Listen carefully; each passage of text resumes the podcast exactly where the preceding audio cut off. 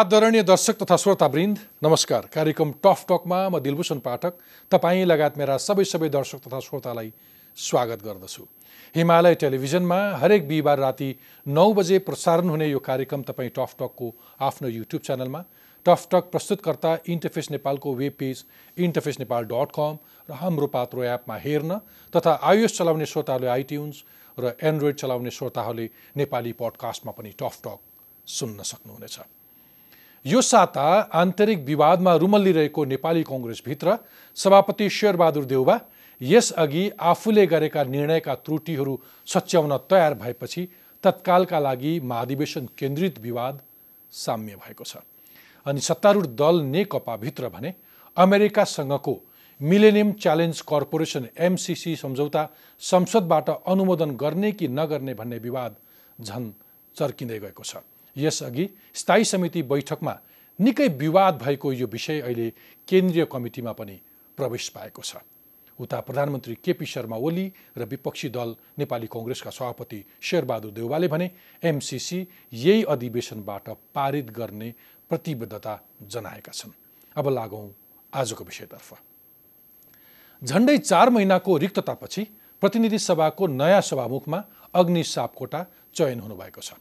कृष्णबहादुर महरालाई यौन दुर्व्यवहारको आरोप लागेपछि रिक्त रहेको सभामुख पद सम्हाल्न चुनिनुभएका सापकोटाको नेतृत्वमा अब प्रतिनिधि सभाको बाँकी आधा कार्यकाल बित्नेछ। कुनै एउटा दलको प्रतिनिधिको रूपमा उम्मेद्वार बने पनि संसदमा सभामुखको जिम्मेवारी कुनै पक्ष वा विपक्षमा नलागी संसदको गरिमा र मान्यतालाई उच्च राख्नुहुन्छ। तर लामो विवाद रस्साकसी र राजनीतिक जोडबलमा यस पद सम्हाल्न आइपुग्नुभएका सभामुखलाई राजनीतिक सन्तुलन कायम राखी संसदको गरिमा राख्न निकै कसरत गर्नुपर्ने देखिन्छ।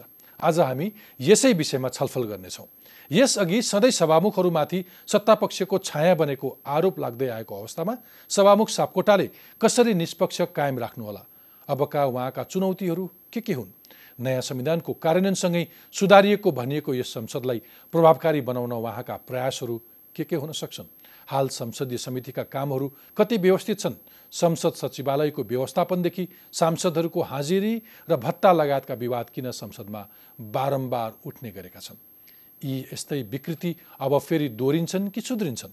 यिनै प्रश्नको जवाब खोज्न मसँग हुनुहुन्छ संविधान र संसदीय व्यवस्थालाई नजिकबाट निहालिरहनुभएका संवैधानिक कानुनका ज्ञाता डक्टर विपिन अधिकारी। आउनुहोस् स्वागत गरौँ आजका मेरा अतिथि संविधानविद डक्टर विपिन अधिकारीलाई। डाक्टर साहब टकटकमा स्वागत छ। धन्यवाद नमस्ते म ठिक छु। कति केमा व्यस्त हुनुहुन्छ आजकल? कामदाम हो सामान्य। म सम्झिन्छु संविधान सभा चलिरहँदाखेरि संविधान लेखन प्रक्रियाका बेलामा तपाईँ अत्यन्तै धेरै व्यस्त हुनुहुन्थ्यो इनपुट दिनलाई नयाँ संविधान लेखनका बेलामा। टकटकमा हामीले धेरै संवादहरू गऱ्यौँ। आजभोलि चाहिँ त्यो संविधान कार्यान्वयनका सिलसिलामा तपाईँलाई कति धेरै व्यस्त राख्छन् अथवा सरसल्लाह लिने काम हुन्छ? त उति नै हो जस्तो लाग्छ मलाई। सरसल्लाह? हो भने हिजो र आजमा फरक के छ भने हिजो हामी बढी सैद्धान्तिक कुरा गर्थ्यौँ। आज कार्यान्वयनको कुरा गर्दछौँ तर चुनौती त छ नै। ओके। कस्ता चुनौती छन् हामी फुटाउँछौँ? मलाई नयाँ संविधानको कार्यान्वयनको सिलसिलामा हामीले सोचे जस्तो सुधारिएको नयाँ संसद कति फङ्सनेबल रह्यो त्यसले कति कस्तो खालको प्रभावकारिता बढायो? अथवा सांसदको भूमिका कस्तो रह्यो? संसद कस्तो रह्यो? संसदीय समितिहरूले कसरी काम गर्छन्? सरकारको जवाबदेहिता कस्तो छ? अथवा संसदमा विपक्षीले के गर्दैछ? म क्रमैसँग आउँछु तर जे तातो छ त्यसैमा प्रवेश गरौँ। प्रारम्भमै सोध्न मन लागेको चाहिँ चार महिनापछि अन्तत हाम्रो संसदले सभामुख पायो। अनेकन प्रयास अनेकन जोड घटाउ अनेकन दबाव र अनेकन प्रयत्नका बावजुद जो नयाँ सभामुख पायौँ यसलाई कसरी लिनुभएको छ? अब सभामुख एउटा चुनौतीपूर्ण अवस्थामा निर्वाचन भएको छ उहाँको। सर्वसम्मति भए पनि उहाँ सर्वसम्मत चाहिँ होइन। किनभने उहाँको आफ्नै पार्टीभित्र पनि विभाजन देखिएको हो। सँगसँगै हामी देखिरहेका छौँ कि यसमा एउटा जेन्डरको इस्युहरू पनि थियो र जसरी चाहिँ उपसभामुखले राजीनामा गर्नुभयो गर्नु पर्यो त्यसले पनि यो प्रयोग एउटा प्रश्नवाचक चाहिँ हुन सक्ने स्थिति छ। अनि सँगसँगै केही कुराहरू पार्टीगत कुराहरू हुन्छन् ती सबैलाई हेर्दाखेरि चुनौतीपूर्ण छ। र हिजोको कुरालाई एकछिनलाई छोडिदिने हो भने पनि अब नयाँ एउटा सभामुखले संसदलाई कसरी चाहिँ एउटा प्रिजाइडिङ अफिसरको भूमिकामा निर्व त्यो भूमिका निर्वाह गर्नुहुन्छ त्यसले उहाँको एउटा भित्रको चाहिँ परिणाम कुन रूपमा उहाँले दिनुहोला भन्ने त्यसबाट हेर्नुपर्ने हुन्छ हामी पर्खिँदैछौँ। ए त्यसो भए तपाईँले आम अवधारणा जे हो एउटा सभामुखको त्यो चाहिँ सबैले रुचाइएको सबैको साझा उम्मेद्वार हुनुपर्छ भन्ने। तपाईँले त्यो त्यो अवधारणा चाहिँ गलत अथवा त्यो अवधा- अवधारणा अन्तर्गत होइन सबैले? सबैले रुचाएको हुनु जरुरी छैन तर एउटा निष्पक्ष निष्कलङ्क यस्तो मान्छे जसले चाहिँ एउटा सभामुखको भूमिका एउटा आदरणीय भूमिका हो त्यो निर्वाह गर्न सकोस्। उहाँ उहाँको सम्बन्धमा अदालतको केस छ अनि त्यो केसले गर्दाखेरि उहाँ हुन सक्दछ कि उहाँ निर्दोष हुनु होला तर केस त छ र उहाँ त्यति क्लिन हुनुहुन्न जति क्लिन अन्य कोही मान्छे हुन सक्दथ्यो। एकापट्टि त्यो भयो अनि अदालतले अहिले दिएको तपाईँको हिजोको एकल न्यायाधीशको चाहिँ तपाईँको आदेश छ कि उहाँको केसमा के भइरहेको छ कसरी एउटा महिला पीडित भएको विषयवस्तुमा र किटानी जाहेरी चाहिँ दिएको परिस्थितिमा यत्रो वर्ष भइसक्दा पनि अझसम्म चाहिँ फाइल त्यसको चाहिँ डेभलप भएको छैन। त्यसका बारेमा चाहिँ त्यो रूपरेखा स्पष्ट भएको छैन र पीडितले न्याय नपाउनु एउटा कुरा भयो फेरि अदालती संस्कार छ कानुन छ यसमा चाहिँ यत्रो उदासीनता किन भयो भन्ने बारेमा अदालतले जवाफ मागिरहेको छ। अदालतले उहाँ कसुरदार भनेन तर उहाँले यो इन्भेस्टिगेसनलाई चाहिँ असर गर्न सक्नुहुन्छ। भन्ने कुरा एकापट्टि र अर्कोपट्टि उहाँको केसमा प्रशस्त मलाइजा भएको छ भन्ने अर्कोपट्टि। यो दुइटैले चाहिँ के देखाइदिएको छ भने कि उहाँले एउटा चुनौतीपूर्ण नेतृत्व गर्नुपर्दछ। अब त्यो नेतृत्व भन्नाले हाउसलाई दिने नेतृत्व हो उहाँको कार्यपालिकी नेतृत्व त होइन। त त्यसमा उहाँले चाहिँ पटक पटक जबसम्म यो कुराहरूको टुङ्गो लाग्दैन समस्या त आइ नै राख्ने देखिन्छ। ओके। त्यो पद चाहिँ एउटा उच्च नैतिक बल भएको व्यक्ति हुनु पर्थ्यो उच्च नैतिक बलको पनि हुनु पर्यो निष्कलङ्क हुनु पर्यो मान्छेलाई लाग्नु पर्यो कि उहाँमा त्यो विधा छ दृष्टिकोण छ संस्कृति छ जसले हाउसलाई नेतृत्व दिन्छ। अब त्यो भनेको निष्पक्षताको कुरा पनि हो त्यो भनेको केही ज्ञान पनि हो केही विज्ञान पनि हो केही किसिमका एउटा चाहिँ अनुभवहरू पनि हुन्छन्। यो सबैले हेर्दाखेरि म भन्दिनँ उहाँ असफल हुनु होला तर मैले के भन्छु भने उहाँको यो जुन बाँकी तिन वर्ष हामीले जुन एउटा सभामुखको भूमिका खोजेको छौँ त्यो सहज भने छैन। ओके सर्वोच्च अदालतमा जुन रिट पर्यो इन्ट्रेस्टिङ तरिकाले त्यो रिटको सुनवाई चाहिँ सभामुख चयन भइसकेपछि मात्र भयो। जुन आम मान्छेले भन्छन् नि अदालत संसद अथवा सरकार सब सेटिङमा चल्छ। होइन त्यस्तो होइन। मलाई लाग्दछ यो केसमा अदालतले पर्याप्त महत्त्व दिएको छ। अब केही अदालती प्रक्रियाहरू हुन्छन् जसमा तपाईँको त्यो त्यसलाई हामीले उ गर्न सक्दैनौँ। विसवे गर्न सक्दैनौँ त्यो कम्प्लाई गर्नै पर्छ। र जुन जसरी हामीले चाहिँ केसहरू लिन्छौँ त्यसलाई चाहिँ पेसी अ, अ, मा राख्दछौँ। एउटा त्यो त्यो हाम्रो जुन परिपाटी छ त्यसलाई धेरै स्मार्ट बनाउन सकिने स्थिति पनि छैन। र मलाई लाग्दछ यो चाहिँ ब- समयअनुसार नै भएको छ र फेरि अदालत भनेको एउटा कानुनको उचित प्रक्रियामा विश्वास गर्ने संस्था हो। ओके। त्यो गर्नु बाध्यता छ र अदालतले त्यो प्रक्रियालाई चाहिँ अगाडि बढाएको मात्र होइन कि उताउलो नभइकन एउटा सुझबुझपूर्ण तरिकाले ती मान्छेहरूलाई जिम्मेवारी दिएको छ जसले चाहिँ कानुनका प्रति भूमिका निर्वाह गर्नुपर्ने हो। अब तिस दिनभित्र हुन सकेन भने अदालतको तपाईँको यतिकै यस्तै किसिमको रिस्पोन्स नपाउन सक्नुहुन्छ अदालत अलि एग्रेसिभ हुनसक्छ ओके। सभामुखको चयनको प्रक्रिया चल्दै गर्दाखेरि अन्तर्राष्ट्रिय अदालतबाट अथवा एमनेस्टी इन्टरनेसनलबाट अथवा ह्युमन राइट्स वाच लगायतका इन्टरनेसनल एजेन्सिजहरू अथवा ती संस्थाले जो चासो देखाए नि त्यो चासोहरू चाहिँ कति अर्थपूर्ण हुन्छ? त्यसले लङ रन हामीलाई के इम्प्याक्ट पार्छ? अथवा हामीले बनाउने कानुनहरू अथवा हामीप्रति उनीहरूले हेर्ने दृष्टिकोण कस्तो रहन्छ? त्यो त धेरै सङ्कटपूर्ण हो। किनभने त्यो चासो देखाउनु नै तपाईँका बा बारेमा त चासो देखाएको छैन। मेरो बारेमा देखाएको छैन। एउटा सार्वजनिक पद र सार्वजनिक भूमिका निर्वाह गर्ने व्यक्ति जसले प्रजातन्त्रलाई चाहिँ कार्यान्वयन गर्नका लागि ठुलो नेतृत्वदायी भूमिका खेल्दछ। त्यो व्यक्तिका सम्बन्धमा चाहिँ एउटा अभियोग लागेको छ। अनि अभियोग लागेको छ र फेरि हामी यत्रो ठुलो पार्टीको कुरा गर्दैछौँ जसमा चाहिँ तपाईँको धेरै विकल्पहरू छन्। त्यो विकल्पहरूलाई छोडेर एउटै मान्छेका लागि यत्रो महत्त्व दिँदा हामीले त्यो एउटा निष्पक्ष सभामुख को निर्वाचन गर्न खोजेको हो कि साँच्चीकै एउटा संसदभित्र बाघ बनाउन खोजेको हो? त्यो भूमिका बाघका लागि त होइन। यदि त्यत्रो रडाको हुन्छ कटाक्ष हुन्छ तपाईँको त्यति मेहनत गरेर चाहिँ आउनुपर्ने त्यो पोजिसन हो भने त्यो पोजिसनले यदि त्यही एजेन्डा बोकेर आयो भने अनि हाम्रो प्रजातन्त्रको दशा के होला? त्यस हुनाले त्यत्रो जब अन्तर्राष्ट्रिय रूपमा यो विषयवस्तुसँग सम्बन्धित खास गरी तपाईँको यो ट्रुथ एन्ड रिकन्सिलेसनको विषयमा उहाँको जुन संलग्नता छ त्यो कारणले गर्दाखेरि दुई चार महिना ढिलो भएर के बिग्रिन्छ? तिम्रो प्रक्रियाबाट चाहिँ आऊ न भनेर भन्दा नराम्रो होइन जस्तो लाग्छ मलाई। उनीहरूको त त्यो के हो भने एउटा धर्म पनि हो। चुप लाएर बस्न सक्दैन थियो भन्यो। अब हाम्रा मान्छेले नबुझेको हो। अब यो यो उहाँको आगमन सँगसँगै तपाईँले लिइसकेको उच्चारण गरिसकेको सत्य निरूपण तथा मेलमिलाप आयोगको कुरा छ। अथवा द्वन्द्वकालीन मुद्दाहरूलाई जुन सम्बोधन गर्नुपर्ने कुरा छ।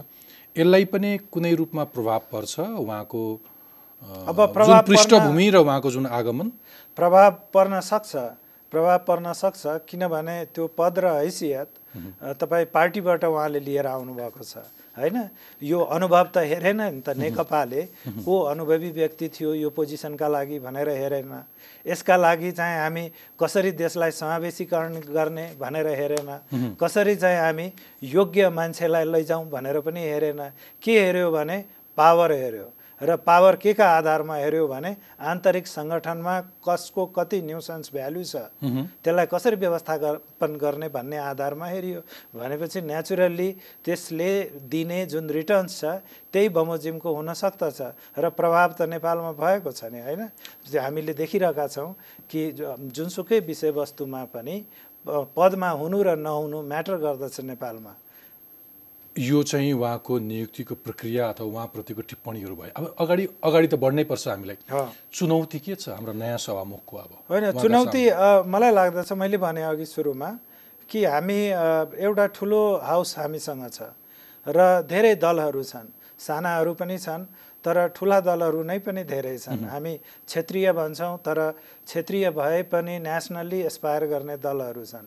हामीसँग संविधानले दिएका चुनौतीहरू छन् र त्यो चुनौतीहरू केवल मौलिक अधिकारको चाहिँ संरक्षण मात्र होइन।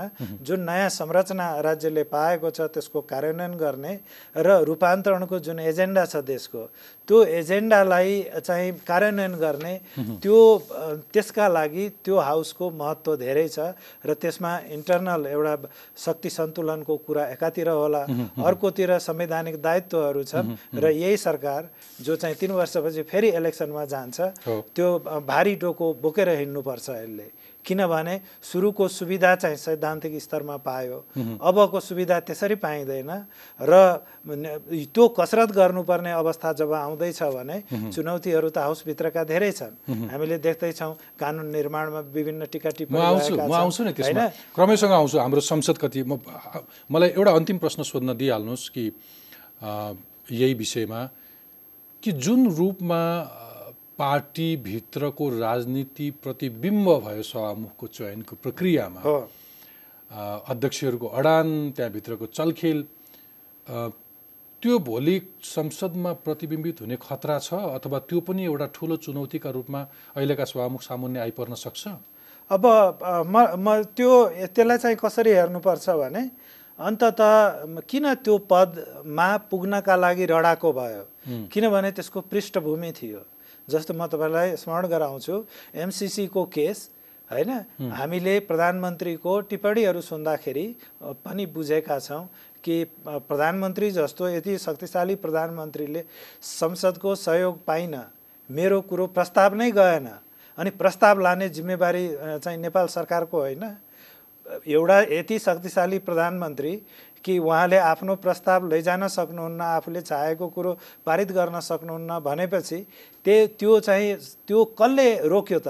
भन्दाखेरि सभामुखको पदबाट रोकिएको रहेछ। जबकि अघिल्ला सभामुख आफै अर्थमन्त्री हुँदा त्यो एमसिसीमा संलग्न थिए। हो। त्यसका केही निर्णयहरूमा त्यो जब त्यति स्पष्ट छ भने त्यसैले मैले भनेको सभामुखका बारेमा जुन जोडघटाउ भयो त्यसले सभामुखलाई बाघ बनाउन सक्छ। हामीले सभामुख बाघ खोजेको होइन। बाघ बन्ने भूमिकामा कार्यकारिणी छ नि त। सभामुख भनेको त एउटा प्रतिनिधित्व हाउसको सम्पूर्ण सदस्यहरूलाई प्रतिनिधित्व दिने केमा भने हाउसको व्यवस्थापनको कार्यमा। त त्यतिका लागि भनेर कार्यव्यवस्था समिति बनाएको हो। अब यत्रो रडाको हुन्छ भने केही एजेन्डा पनि होला कि भनेर सोच्ने कुरा आएन। मैले भने नि यदि तपाईँ समावेशीको कुरा भएको भए हामीले चाहिँ अहिले उपसभामुख शिवमाया अ, तुम्बा हम्फे उहाँलाई चाहिँ प्रपोज गर्थ्यौँ होला। यदि त्यहाँ कुनै मधेसी भएको भए हामीले भन्न सक्दथ्यौँ यो लडाइँको वर्थ थियो भनेर। यदि त्यहाँनिर कोही चाहिँ तपाईँको दलित भएको भए हामी भन्न सक्दथ्यौँ हो यो लडाइँ खेल्नु उचित थियो। यसका आधारहरू स्पष्ट थिए। हामीले जुन लडाइँ खेल्यौँ त्यसका आधारहरू स्पष्ट छैनन् र त्यसमा राजनीतिको खिचातानी बढी छ। अब मूल कारणमा जाउँ। हामीले नयाँ यो व्यवस्था ल्याउँदै गर्दाखेरि अथवा नयाँ संविधान लेख्दाखेरि एउटा परिकल्पना गऱ्यौँ कि सुधारिएको संसदीय व्यवस्था। अघिल्लो संसदीय व्यवस्थामा केही गलत अभ्यासहरूबाट आजित भएपछि किटान गरेर नयाँ संविधानमा लेखेर नयाँ सुधारिएको संसदीय व्यवस्थाको परिकल्पना गऱ्यौँ। ठ्याक्कै त्यो पल परिकल्पना गरे अनुसारको भइदिएको भए यो अघिल्लो पन्ध्र मिनटको बहस जरुरी थिएन। त्यसो भए तपाईँ भनिदिनुहोस् मलाई कि जुन सुधारिएको संसदको सपना देखेको थियौँ। आज संसद त्यही सुधारिएको छ अथवा पहिलेभन्दा बिग्रेको छ कुन अवस्थामा? हाम्रो संरचना चाहिँ सुधारिएको छ तर प्रवृत्ति सुधारिएको छैन। जस्तो संरचना सुधारिएको भनेको अहिलेको प्रधानमन्त्री या जहिलेको पनि प्रधानमन्त्रीलाई अब केवल हाउसमा हुइमका आधारमा कोलिसन चेन्ज गरेर हटाउन सकिँदैन। जसले प्रधानमन्त्रीलाई हटाउने क्षमताको चाहिँ रडाको लाउँछ उसले विकल्प वैकल्पिक क्यान्डिडेट दिन सक्नुपर्छ र जोडघटाउ बडो प्रष्ट रूपमा राखिएको छ। जथाभावी तपाईँको नो कन्फिडेन्स मेस मोसन ल्याउन पाइँदैन। अथवा प्रधानमन्त्रीले पनि भरमा संसद विघटन गर्न पाउँदैन। पाउँदैनन्। अब विघटनको कल्चरै रहेन हामीसँग त्यो व्यवस्था नै गयो। त त्यस हुनाले अहिलेको सुधारिएको हो। तर त्यही सुधारिएको चाहिँ व्यवस्थाका लागि भनेर हामी एउटा समानुपातिक निर्वाचन पद्धति ल्याइएको हो। प्रत्यक्ष निर्वाचनले पुगेन भनेर आज हेर्नुहोस् हामीसँग कस्तो हाउस छ भने यसमा प्रशस्त दलितहरूदेखि लिएर जनजातिहरूदेखि लिएर मधेसीहरूदेखि लिएर कति चाहिँ एउटा तीव्र प्रतिस्पर्धा गरेर आएका हामीसँग जनप्रतिनिधिहरू छन्। त त्यो त्यसका लागि संविधानले कति सङ्घर्ष गरेर यो संविधान सात वर्ष आठ वर्ष लगाएर ल्याउनु परेको थियो। उनीहरूको भूमिका के छ यो संसदमा? हामीले देख्यौँ कहिले कुनै महिलाहरूको सामूहिक आवाज संसदभित्र आउन सक्यो कुनै दलितहरूले भन्न सके आजसम्म कि हामी जुन एउटा वर्गको जुन एउटा क्षेत्रको प्रतिनिधित्व गर्दैछौँ जुन जातिको प्रतिनिधित्व गर्दैछौँ या समुदायको गर्दैछौँ त्यसको एजेन्डा यो ऐनमा यसरी मात्र कार्यान्वयन हुन सक्छ भनेर कसैले भन्न सक्यो? आज मधेसीहरूको हेर्नुहोस् जे कुरो छैन त्यसमा रडाको गरेर मान्छेलाई दिग्भ्रमित गरेर केही पनि फाइदा छैन। आज जे चाहिँ संविधानले लिएको दिएको छ त्यो कुरोमा मधेसीहरू के चाहन्छन्? तपाईँ यो मिडिया काउन्सिलको आज कति रडाको हो? कुनै कुनै मधेसी सांसदले भनेको तपाईँले सुन्नुभयो कि यो कम्तीमा पनि यो जुन तपाईँ आरक्षणका कुराहरू छन् जुन चाहिँ तपाईँ समावेशीकरणका कुराहरू छन् नेपालको पत्रकारितामा यत्रो एक वर्गीय प्रतिनिधित्व चाहिँ एकदमै ठाडो रूपमा आइरहेको छ। यो चाहिँ सर्वपक्षीय हुन सकेन भनेर भनिन्छ होइन? खोइ कुनै चाहिँ मधेसी सांसदहरूले आजसम्म भन्नुभयो ओके। कि यो ऐनमा त्यो प्रावधान राख भनेर। कुरा के छ भने हामी दुश्मन बनाउने चाहिँ संस्कृतिमा छौँ। तपाईँलाई मैले साथी मित्र एउटा राम्रो चाहिँ के भनेदेखि सहयोगी या राम्रो मेन्टर उत्प्रेरकको रूपमा म लिन चाहन्न। म तपाईँलाई केवल दुश्मनको रूपमा लिन चाहन्छु किनभने तपाईँलाई दुश्मन भन्नु मेरा लागि राजनीति चलाउन आवश्यक छ। यदि त्यो नभए जबकि कति कुराहरू कमन छ हामीसँग। कमन कुराहरू छ हामी कमन। उद्देश्यका लागि समाजका। लागि काम र एउटा कुरा कुनै एउटा संस्थामा बसेर कुनै एउटा निश्चित उद्देश्यका लागि काम गर्छ। डेमोक्रेसीको जुन आइडियोलोजिकल ग्राउन्ड्स छ त्यो कायम गर्न सकिएन भने अनि यो जाति पाति धर्म क्षेत्र केही पनि काम लाग्दैन। मलाई एकचोटि मेरो दर्शकलाई अझै बुझ्ने गरी फुटाइदिनुहोस् कि जुन परिकल्पना गऱ्यौँ हामीले यो संसदमा बहुजाति अनेक धर्म अनि अनेक समुदाय सबैलाई समेट्यौँ समावेशी बनायौँ। दलित परे त्यहाँ सीमान्तकृत समूह परे अघि तपाईँले भने महिलाहरू परे तर तिनको आवाज संसदमा सुनिएन तिनलाई ल्याउने काम भयो तर आवाज सुनिएन किन सुनिएन कारण के हो? यो कारण के हो भने हामीले आफ्ना लागि सङ्घर्ष गर्दै गरिरहेछौँ। धेरैको भन्दा चित्त दुख्न सक्छ निश्चित स्वार्थका लागि। मै मात्रै हिरो हुनुपर्ने छ। मैले मात्रै पावर एक्वायर गर्नु त्यति भन्दाखेरि अलिक कडा अलिक छुच्चो हुन्छ। तर एउटा कुरा के हो भने मसँग एजेन्डा छ र त्यो एजेन्डा केवल मलाई जिताएर हाउसमा पुर्याउने मात्र होइन। त्यो एजेन्डा मैले हाउसका प्रत्येक गतिविधिहरूमा संलग्न हुनु पर्यो र त्यसका लागि त्यति प्रयास गर्नु पर्यो जति प्रयासले हिजोको एजेन्डा अगाडि बढ्न सक्दछ। आउनेको पनि समस्या भयो नि त ऊ किन बोलेन? हो नबोलेको किनभने त्यो त्यसरी सोचिएकै छैन। त्यसरी सोचिएको भएदेखि त तपाईँको त्यसरी सोच्ने यदि पद्धति भयो भने तपाईँको संविधानमा जेसुकै भए पनि बराक ओबामा जस्तो मान्छेको निर्वाचन हुन सक्दछ।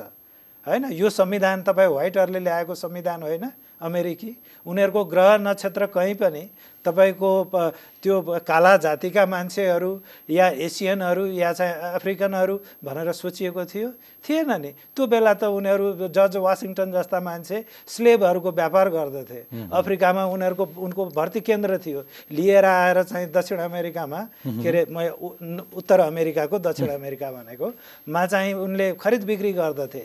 त त्यत्रो ठुलो तपाईँको चाहिँ व्यवस्था त्यति चाहिँ एउटा जातिका लागि एउटा वर्गका लागि ल्याइएको व्यवस्थाले कसरी चाहिँ बराक ओबामालाई निर्वाचन गर्यो होला? किनभने नेतृत्वको क्वालिटीमा विश्वास गर्यो उनीहरूले। बुझेँ। तर तर तपाईँलाई अब मलाई के सम्झाउनु भयो भने कम्युनिस्टहरूको बाहुल्यता भएको सरकार संसद। कुनै बेला कम्युनिस्टहरूले संसदलाई भन्थे कि यो हो यो यो यो यो बोकाको टाउको देखाएर मासु बेच्ने ठाउँ भनेर। सनातनी तरिकाले तर। तपाईँले एउटा आधुनिक चिन्तक तपाईँको पनि आशय त्यस्तै देखिँदैछ कि अहिलेको संसदले फेरि बोकाको टाउको देखाएर बाख्राको मासु नि बेच्दैछ होइन त्यो। संसद मात्र होइन यदि हामीले संविधानले दिएका जुन संरचनाहरू छन् त्यसको तर्कपूर्ण प्रयोग गरेनौँ र व्यवहारबाट त्यसलाई कुलिन देखाउने प्रयास गरेनौँ भने त्यही हुने हो किनभने हामी अन्तत कुनै पनि व्यवस्था टिक्ने त्यसको आधार भनेको त हाम्रो शासकीय संस्कृति नै हो। अब त्यो संस्कृति हामीसँग छैन भने अनि राम्रो राम्रो संविधान पनि मान्छेले नगरेको हो। लाइब्रेरियनहरूले चाहिँ तपाईँको के गरे भने उनीहरूलाई उनीहरू त अमेरिकाकै संविधान खालि देशको नाउँ चेन्ज गरेर यहाँबाट पारित गरौँ भन्थे। तर त्यतिले त भएन तर लगभग तपाईँ पढ्दाखेरि झुक्किन सक्ने गरी यदि मैले तपाईँलाई म त कानुनको भएको हुनाले बुझौँला। तपाईँलाई देखायो भने यो दुईवटा मध्ये कुन चाहिँ अमेरिकी संविधान हो भनेर लाइबेरिया र अमेरिकाको। भाषाबाट तपाईँ झुक्किन सक्नुहुन्छ। प्रस्तुतिबाट लेखन शैलीबाट किनभने उनीहरूले अमेरिकन डेमोक्रेसी नै रेप्लिकेट गर्न खोजे।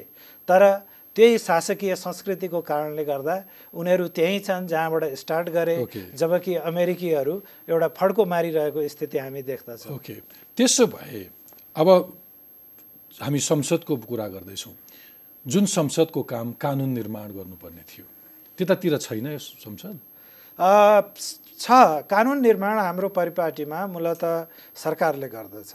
होइन सरकार एउटा मन्त्रालय स्तरमा चाहिँ कानुनका बारेमा एउटा कन्सेप्ट बनाइन्छ आवश्यकताका बारेमा अध्ययन गरिन्छ अनि त्यसपछि कानुन मन्त्रालयले त्यसलाई मस्यौदा गरिदिन्छ या गरेको मस्यौदालाई तपाईँको परिपक्व बनाइदिन्छ अनि क्याबिनेटले त्यसलाई एप्रुभ गर्दछ अनि सम्बन्धित मन्त्रीले हाउसमा प्रस्तुत गर्दछन्। तर हाउसको चाहिँ एउटा डिजाइन के हो भने उसको भूमिका के हो भने उसले त्यसलाई नेपाल सरकारको प्रस्ताव हो त्यो प्रस्ताव सरकारले विभिन्न थरी हिसाबले लिएर आयो तर जनमुखी छ कि छैन त्यसमा क्षमता छ कि छैन त्यो त्यो चाहिँ साँच्चीकै जुन स्तर त्यसले चाहिँ भेट्नुपर्ने हो त्यो भेट्न सक्छ कि सक्दैन भनेर जनपक्षीय एउटा आफ्नो कन्स्टिट्युएन्सीको दृष्टिकोण अर्को सर्वपक्षीय एउटा नेपाली हुनुको नाताले त्यसलाई चाहिँ उसले चाहिँ अब कसरी हुन्छ उसले त्यसलाई चाहिँ सम्बोधन गर्नु पऱ्यो त्यसलाई विश्लेषण गर्नु पऱ्यो संशोधन गर्नु पऱ्यो त्यसको चाहिँ त्यसलाई एउटा राम्रो प्रस्ताव चाहिँ पारित होस् भन्नका लागि त्यो काम चाहिँ संसदले गर्ने हो संसदको सम्बन्धित समितिले गर्ने हो। त्यसमा चाहिँ प्रशस्त कमी कमजोरी सांसदको बारेमा अनि संसदीय समितिको बारेमा आउँछु। एउटा सांसद चाहिँ आफ्नो कर्तव्यबाट विमुख भयो। एउटा सांसदको प्राथमिकता उसले बिर्सियो। ऊ अन्यत्रतिर लागिरहेछ। ऊ छ करोड लिएर कसरी म आफ्नो निर्वाचन क्षेत्रमा जान्छु भनिरहेछ अथवा कानुन बनाउने काममा संलग्न हुने मेरो प्रतिनिधित्व मेरा विषय मेरा सरकारहरू अथवा मैले जुन क्षेत्र प्रतिनिधित्व गर्छु तिनका विषयहरूलाई भन्दा पनि अथवा एउटा कानुनका लागि भन्दा पनि चासो अन्य क्षेत्र खास गरी विकासमूलक विषयहरूमा बढी चासो देखिन्छ र त्यो त हास्यास्पद हो। हामीले प पटक पटक भन्यौँ पढे लेखेको अर्थमन्त्री हुनुहुन्छ। यसभन्दा पहिले पनि अहिले पनि यो निरन्तर देशको एजेन्डामा छ। हामी विकासका कुराबाट संसदलाई अलग गरौँ। मोटो सैद्धान्तिक प्रश्नहरू नीतिगत प्रश्नहरू र कानुन निर्माण नै हो संसदको प्रमुख भूमिका। अब सरकार निर्माणको रडाको छैन अहिले। अब त्यतापट्टि लाग्नुपर्ने हो तर त्यो हुन सकेको छैन। र हुन नसकेको कारण के हो भने हामीलाई लाग्दछ कि विकासको चाहिँ जुन पोको छ त्यो खोल्न सक्यो भने अर्कोपल्ट जितिन्छ। त विकासको कुरो त देशमा सरकार छ। उसले गर्दछ जवाबदेहिता पनि लिन्छ। अनि सरकारको पैसामा रमाउने बानी भयो भने त्यो कम्प्रोमाइज हुन्छ। त्यति मात्रै चाहना गर्नुलाई पनि नाजाज त भन्न सकिँदैन थियो होला। तर अरू अपराधिक गतिविधिहरू भ्रष्टाचारहरूमा संलग्न भएपछि चाहिँ एउटा सांसदको मर्यादाप्रति त्यो पनि छ मलाई लाग्दछ त्यो त एउटा लिमिटेड व्यक्तिहरूका सम्बन्धमा छ। हाम्रो शासकीय प्रणालीमा त्यस्ताले के हुन्छ भने गलत हिसाबले कमाउने धेरै छन् पैसाको कुरा आयो भने ऊ अघि लागिहाल्छ। त यस्ता कुराहरू संसदमा पनि छन् तर मलाई लाग्दछ तपाईँको majority of rank and file अहिले पनि राम्रै मान्छेहरू छन्। म त राम्रा मान्छेले चाहिँ किन गरेनन्? म त कर्नरमा बसेका मान्छेको कुरा गरिरहेको छैन। मैले सोध्न खोजेको प्रश्नै त्यही यो संसद तपाईँलाई चित्त नबुझेको एउटा पक्ष छ तर यसलाई भाइब्रेन्ट बनाउन सक्ने सम्भावना त थियो नि। त्यस्तो डाइभर्स पार्लियामेन्ट त्यस्तो इन्टेलेक्चुअल पढेका मान्छेहरू छन्। यसले पनि फेरि यति नकारात्मक सन्देश नजाओस् कि हाम्रो संसद फङ्सनेबलै छैन अथवा त्यो डाइभर्सिटीको रिप्रेजेन्टेसन हुँदै भएन पनि भन्ने होइन। कानुनमा काहीँ काहीँ कुनै रूपमा केही कुराहरू पर्या पनि होलान्। यसलाई यसलाई अरू अरू अरू अरू अरू क्रिएटिभ अरू कन्स्ट्रक्टिभ पार्लियामेन्ट बनाउन सक्ने केही सूत्रहरू हुन्थे?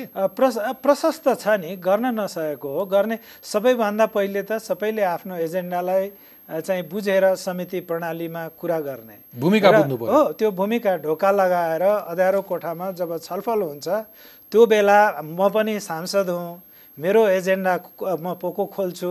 यी सरकारले के के गरिदिन सक्छ? ल छलफल गरौँ भन्यो सरकार भनेको के हो? हरेक ठाउँमा हरेक दिन मन्त्री त हुँदैनन्। हरेक दिन प्रधानमन्त्री पनि उपस्थिति हुँदैन संसदीय। प्रशासन हुन्छ।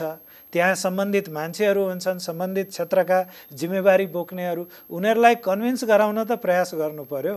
प्रश्न गर्न पाइयो यत्रो चाहिँ साठीवटा पैँसठीवटा दफा भएको ऐनमा एउटा जनजातिका लागि किन परेन छ? यो त पार्न सकिन्थ्यो नि।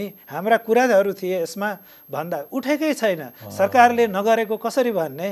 कम्तीमा त चर्चामा आउनु पर्यो। त्यो हाउसमा बोलिनु पर्यो। समितिमा कसैले न कसैले त्यो कुरालाई फुकाउनु पर्यो। त्यो नभएपछि त हामी अब केवल यो मैले भने नि तपाईँ शत्रु हो भन्ने आधारमा यदि म रणनीति बनाउँछु र तपाईँ मित्र हो हामीले कमन प्लेटफर्म क्रिएट गर्न सक्दछौँ। आखिर संसार चलाउने त डेमोक्रेसी आधा आकाश आधा आकाश भन्ने महिलाहरू जो जितेर त्यहाँ सांसद बनेर गए उनले आफैले पनि कति अवस्थामा संविधानले ग्यारेन्टी गरेको सङ्ख्यामा महिलाहरू नहुँदाखेरि खोइ महिलाको उपस्थिति भनेर बोलिदिनु छैन म तपाईँलाई एउटा उदाहरण दिन्छु। तपाईँ सात सय त्रिपन्नवटा सरकार अहिले चाहिँ हामी स्थानीय स्तरमा छन्। सात सय त्रिपन्नवटा व्यवस्थापिका पनि छ। गाउँसभा र नगरसभा भन्छौँ हामीले। होइन त्यसपछि सातवटा चाहिँ हामी के भन्दै प्रदेश सभाहरू छन्। यो सबैले यत्र चाहिँ संरचनाहरू बने तपाईँको सात सय एकसट्ठीवटा यति ठुलो त्यो सात सय एकसट्ठीबाट हामी सङ्घीयलाई हटाइदिउँ सात सय साठीवटा जुन एउटा सङ्घीय संरचनाहरू सङ्घीय सभाहरू बन्दाखेरि कुन महिलाले भन्यो हाम्रा लागि एउटा समिति कायम गर्नु पर्यो त्यो चाहिँ एक्सक्लुसिभली महिलाको इस्युमा भनेर। भनिदिनुहोस् न म संविधानको कसरी कार्यान्वयन भइरहेको भन्ने कुरामा रुचि राख्दछु। त्यसैले म भन्दैछु त त्यो कुरो हुन सकेन। जनजातिहरू मधेसीहरूको हकमा हुन सकेन। मलाई लाग्दछ जनजातिको चाहिँ अलिकति केही कुराहरू भएका पनि होलान्। मधेसीहरूको त के छ भने त्यो एजेन्डालाई हेर्ने दृष्टिकोण नै एकदमै गलत भयो। एउटा नागरिकको सबै कुरा छोडिदिनुहोस्। सही कुरो तपाईँ नागरिक एउटा मञ्चमा बोल्नुहुन्छ भने प्रेसमा आउँछ। प्रेसमा बोलिन्छ भने शासकहरूले पढ्दछन् र शासकहरूले त्यस्ता कुरालाई कति दिन घचेडेर चाहिँ भित्तोपारी पुर्याउलान्। जुन कुरो बिग्न सक्दैन। त त्यो प्रतिभा त्यो रणनीति त्यो चाहना र त्यस्तो किसिमको दृष्टिकोण चाहिँ हाम्रो साम संसदमा अभाव रहिरहेको छ। मलाई लाग्दछ यो केवल सरकारको समस्या मात्र होइन। समितिहरू बनाइन्छ संसदमा संसदीय समितिहरू बन्छन् जो सांसदहरूले अझ मिनी पार्लियामेन्ट। मिनी पार्लियामेन्ट्सहरू संसदभित्र मिनी पार्लियामेन्टहरू हुन्छन् अथवा समितिहरू हुन्छन् केही विशेष विषयहरूमा त्यहाँ संसदहरू क्रियाशील रहन्छन्। ती समितिहरू कति फङ्सनेबल छन्? छैन। उनीहरू छन् अब केही समितिहरू चाहिँ एक्टिभ पनि छ। केहीले इस्यु अनुसार राम्रै पनि काम गरेका छन्। तर निरन्तर रूपमा त्यो मिनी पार्लियामेन्ट किन भनेको भने कि ठुलो पार्लियामेन्ट चाहिँ वर्षको दुईपल्ट अधिवेशनको रूपमा बस्दछ ठुलो मोटो काम गर्दछ विदा हुन्छ।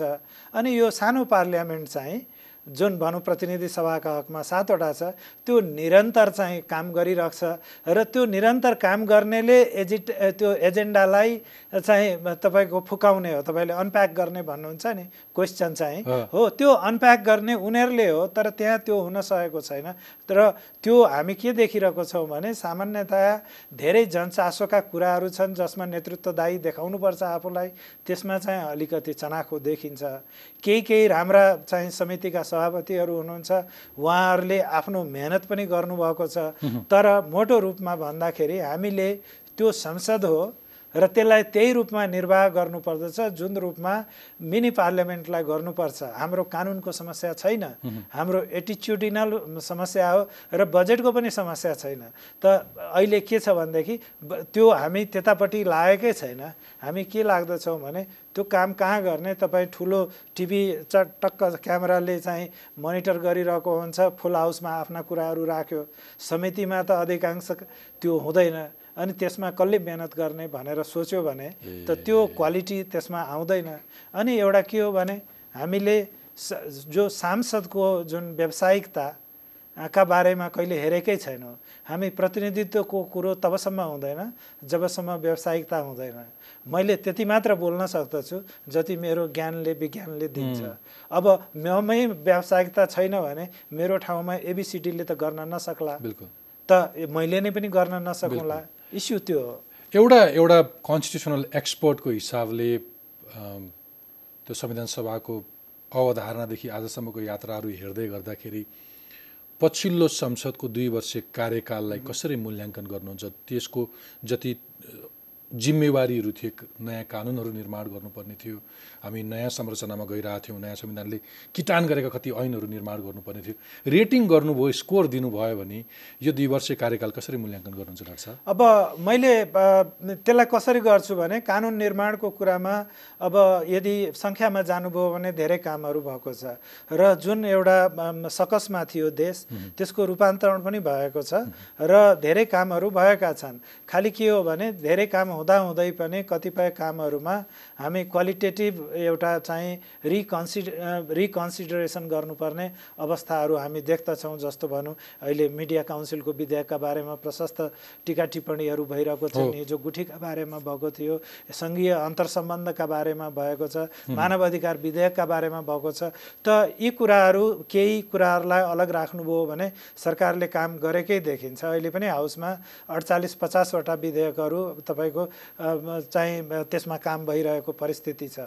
भनेपछि नभएको होइन तर योलाई मल्टिप्लाई गर्न सकिन्छ भन्ने मलाई लाग्दछ। अनि यसको अर्को पाटो प्रतिपक्षको चाहिँ भूमिका त्यहाँ चाहिँ धेरै कमजोर देखिन्छ। प्रतिपक्षसँग कुनै एजेन्डा भएन। प्रतिपक्षले आफ्नो इस्यु के हो? सरकारले गरेका कामहरूको वैकल्पिक पक्षहरू के के हुन् भन्न सकेको छैन। मान्छे रणभुल्नमा छन् किनभने कि यो कस्तो अवस्था व्यवस्था होला हाम्रो। सुधारिएको संसद छ। सरकारले यति धनाधन काम गरिरहेको छ। प्रतिपक्षसँग कमेन्ट नै छैन। भागभन्डामा बसेको छ। चारजना मध्ये दुईजना मेरो भएको छ नि हेर्न। भनेर देखाएर अनि हामीले जुन एउटा संवैधानिक उत्तरदायित्व हो त्यो निर्वाह गर्न सक्छौँ त भनेर कुनै सांसदले सोच्न सकेको छैन। तपाईँ कहाँसम्म भने संसद किन भनिरहेको छु? सांसद म भने प्रधानमन्त्रीकै आफ्नो पार्टीको संसदीय दलको बैठक कतिपल्ट बोलाउनु भयो रहेछ उहाँले? त्यो संसदीय दलमा सरकार कसरी हिँड्ने भनेर कतिपल्ट छलफल गर्नुभयो रहेछ अहिलेका जुन टिका टिप्पणी छन् तपाईँ संसदीय दलका सदस्यहरूलाई त्यो फुल हाउसमा प्लेनरीमा आफ्नो सरकार विरुद्ध कठोर हुन त उनीहरूलाई गाह्रो हुन्छ नि। होइन? त्यही पनि ढालढोका थुनेर संसदीय दलमा उनीहरूले बोल्न पाउनु पर्दैन। हो त्यहाँ हामीले समस्या देख्दछौँ र त्यो त्यो चाहिँ मूल प्रतिपक्षका हकमा त असाध्यै कमजोर छ। संसदलाई यसको गरिमामा फर्काउने हो भने संसदलाई एकदमै चाहिँ एउटा प्रयोग संसदीय प्रयोगलाई चाहिँ हामीले इन्हान्स गर्नुपर्छ र त्यसको पहिलो आवश्यकता भनेको सहभागिता हो दोस्रो आवश्यकता भनेको रणनीति। यो दुईवटा भयो भने अनि अहिले त जानुभयो भने सहभागिता पनि छैन बल्ल बल्ल कोरुम पुग्छ। तपाईँ कोरुमको कुरो यति विवादास्पद भयो पहिले त हाम्रो देशको चलन चाहिँ तपाईँको पच्चिस प्रतिशत चाहिँ सांसदहरू उपस्थित भयो भने जे पनि गर्न मिल्थ्यो हो कि अहिले त्यो बहुमतलाई त कोरुम राखिएको छ। हेर्नुहोस् कहाँ पुगेका छौँ हामी? यो यो हिसाबले अनि संसदले प्रजातन्त्रको कसरी ग्यारेन्टी गर्ला? सार्वभौम संसद भनेको लुकेर बस्ने संसद होइन। हामी संसदको कुरा गर्दैछौँ। यो सरकार चाहिँ संसदप्रति कति जवाबदेही छ सरकारको मलाई लाग्दछ सरकारको जवाबदेहिता पुगेको छैन। यो सरकारले बहुमत चाहिँ बिर्सिनुपर्छ। बहुमतको कुरो भनेको त्यो बेलाका लागि हो जुन बेला चाहिँ सरकार सङ्कटमा हुन्छ। हामी हाम्रो सरकार सङ्कटमा छैन। यो बलियो सरकार छ एकदम तिग्रा ठटाएर हिँड्न सक्छ। इस्यु के हो भने उसले त्यो बहुमतलाई छोडेर आफ्नो जुन क्षमता लाई आकलन गर्नु पर्यो संसदीय काम कारबाहीमा हाम्रा मन्त्रीहरू समितिमा कति उपस्थित हुन्छन्? हामीले हेर्न सक्दछौँ। उपस्थित भएकाले पनि थर्काएर आउँछ। हाम्रा मन्त्रीहरू तपाईँ हेर्नुहोस् हाम्रो मन्त्री परिषदमा समेत पर्याप्त रूपमा छलफल हुँदैन। अब कम्तीमा एउटा मन्त्री के बोल्दैछ भनेर अर्को मन्त्रीले त्यो हाउसमा उपस्थित भएर सुने पो अनि त्यसपछि ए मेरा साथीभाइहरूको एजेन्डा यस्तो रहेछ भन्ने हुँदैन कसरी त्यसलाई कल्मिनेसनको चाहिँ प्रोसेस के हो? हामीसँग छैन किनभने हामीले अहिले संसदको मात्र कुरा गर्दैछौँ। हाम्रो मन्त्री परिषद पनि त्यो परिषदका रूपमा काउन्सिलका रूपमा काम हुन सकेको छैन। किनभने त्यहाँनिर पनि हामी छलफल गर्दैनौँ सरकारको दृष्टिकोण कायम गर्दैनौँ। मोटामोटी रूपमा प्रधानमन्त्रीले जेलाई सदर गर्नुहुन्छ त्यही नै हो। तर प्रधानमन्त्रीले पनि एउटा इन्फर्म डिसिजन गर्न पाउने प्रधानमन्त्रीको अधिकार होइन। यत्र मन्त्रीहरू छन्। बाबै दिनभरि यो के दिनभरिको अनुभव मलाई सुनाउ न। हप्तामा एकपल्ट बस्छौँ दुईपल्ट बस्छौँ। Tell me what is going on भन्ने समय त्यो पुगेको छैन। र जुन फुर्तीका साथ तपाईँको मन्त्री परिषदको चाहिँ बैठकहरू सम्पन्न हुन्छन् हामी देख्न सक्दछौँ कि त्यो साँच्चीकै एउटा इन्फर्म डिसिजन मेकिङ त्यहाँ भइरहेको छैन।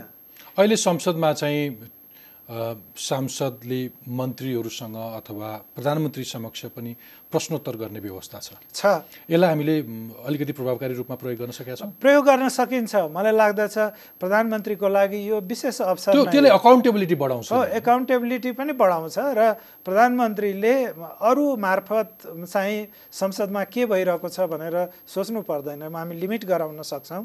कति टाइम कुन रूपमा खर्च गर्ने भनेर। र सभामुखले त्यो समय प्रधानमन्त्रीका लागि राति बाह्र बजे अनुकूल छ भने राति बाह्र बजे बैठक बोलाएर पनि फेसिलिटेट गर्नुपर्छ तर प्रधानमन्त्रीले इन्गेज गर्नुपर्छ।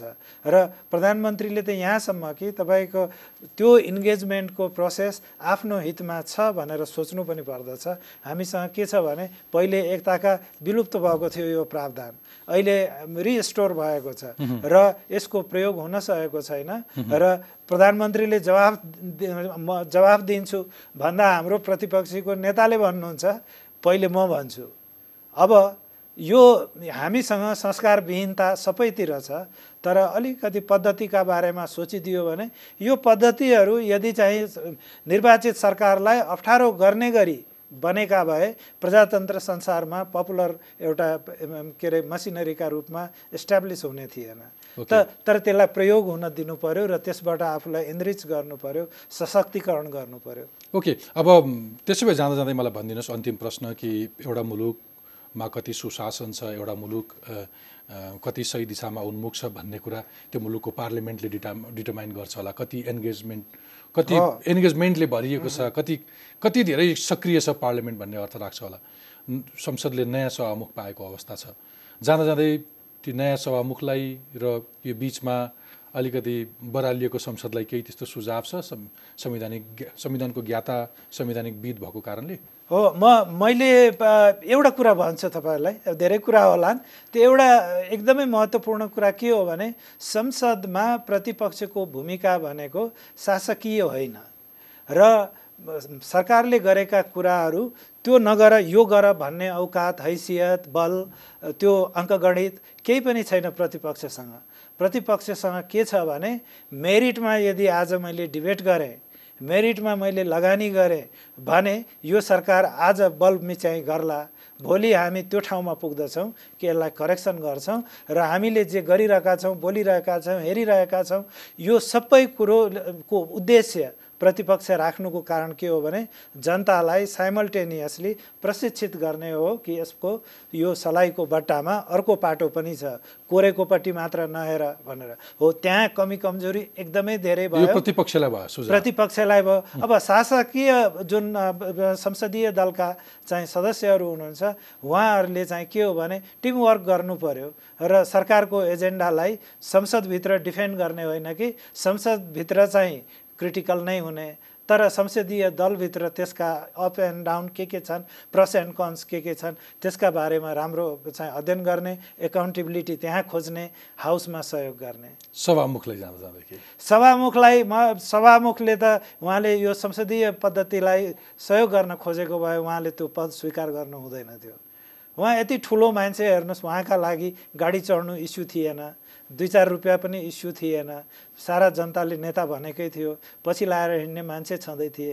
त्यो पद चाहिँ त्यो मान्छेका लागि थियो जो डिजर्भ गर्दछ। तर पुगिहाल्नु भयो अब सेयरमा बसिसकेपछि पनि त त्यो ह्याट लगाइसकेपछि पनि त मान्छेले जिम्मेवारी महसुस गर्न महसुस गर्न उसले बेटर पर्फर्म गर्न सक्छ नि। डाउट त्यो बेनिफिट अफ डाउट अब सर्वोच्च अदालतले अहिले चाहिँ उहाँलाई जुन दिएको निर्देशन छ त्यसलाई उहाँले राम्रोसँग एउटा असल नागरिकका रूपमा सम्पादन गरिदिने यो प्रक्रिया जुन छ उहाँ विरुद्धको त्यसलाई चाहिँ उहाँले के भनेदेखि प्रभावित नगरिदिने एउटा भयो। अर्को के भयो भने हाउस को भनेको के हो भने यो सभामुख भनेको कार्यकारिणी पद होइन। र कुनै एउटा प्रस्ताव चाहिँ प्रतिपक्षका रूपमा अन्य साधारण सदस्यका रूपमा चाहिँ जान चाहन्छ पुग्नु पर्दछ भने त्यसलाई सहयोग गर्नु पर्यो। सरकारलाई उहाँले गर्ने सहयोग त त्यो छ नै। त्यसबाहेक पनि उहाँले संसदलाई सबै पक्षको साझा मञ्च हो र संसद मात्र यस्तो ठाउँ हो जहाँ सबै छन्। त्यसबाहेक त सबै लभ साइडेड हुन्छ डेमोक्रेसीमा। त्यति कुरा उहाँले बुझ्नुपर्छ। हुन्छ डाक्टर साहब तपाईँको महत्त्वपूर्ण समय र विचारका लागि धेरै धन्यवाद। Oh.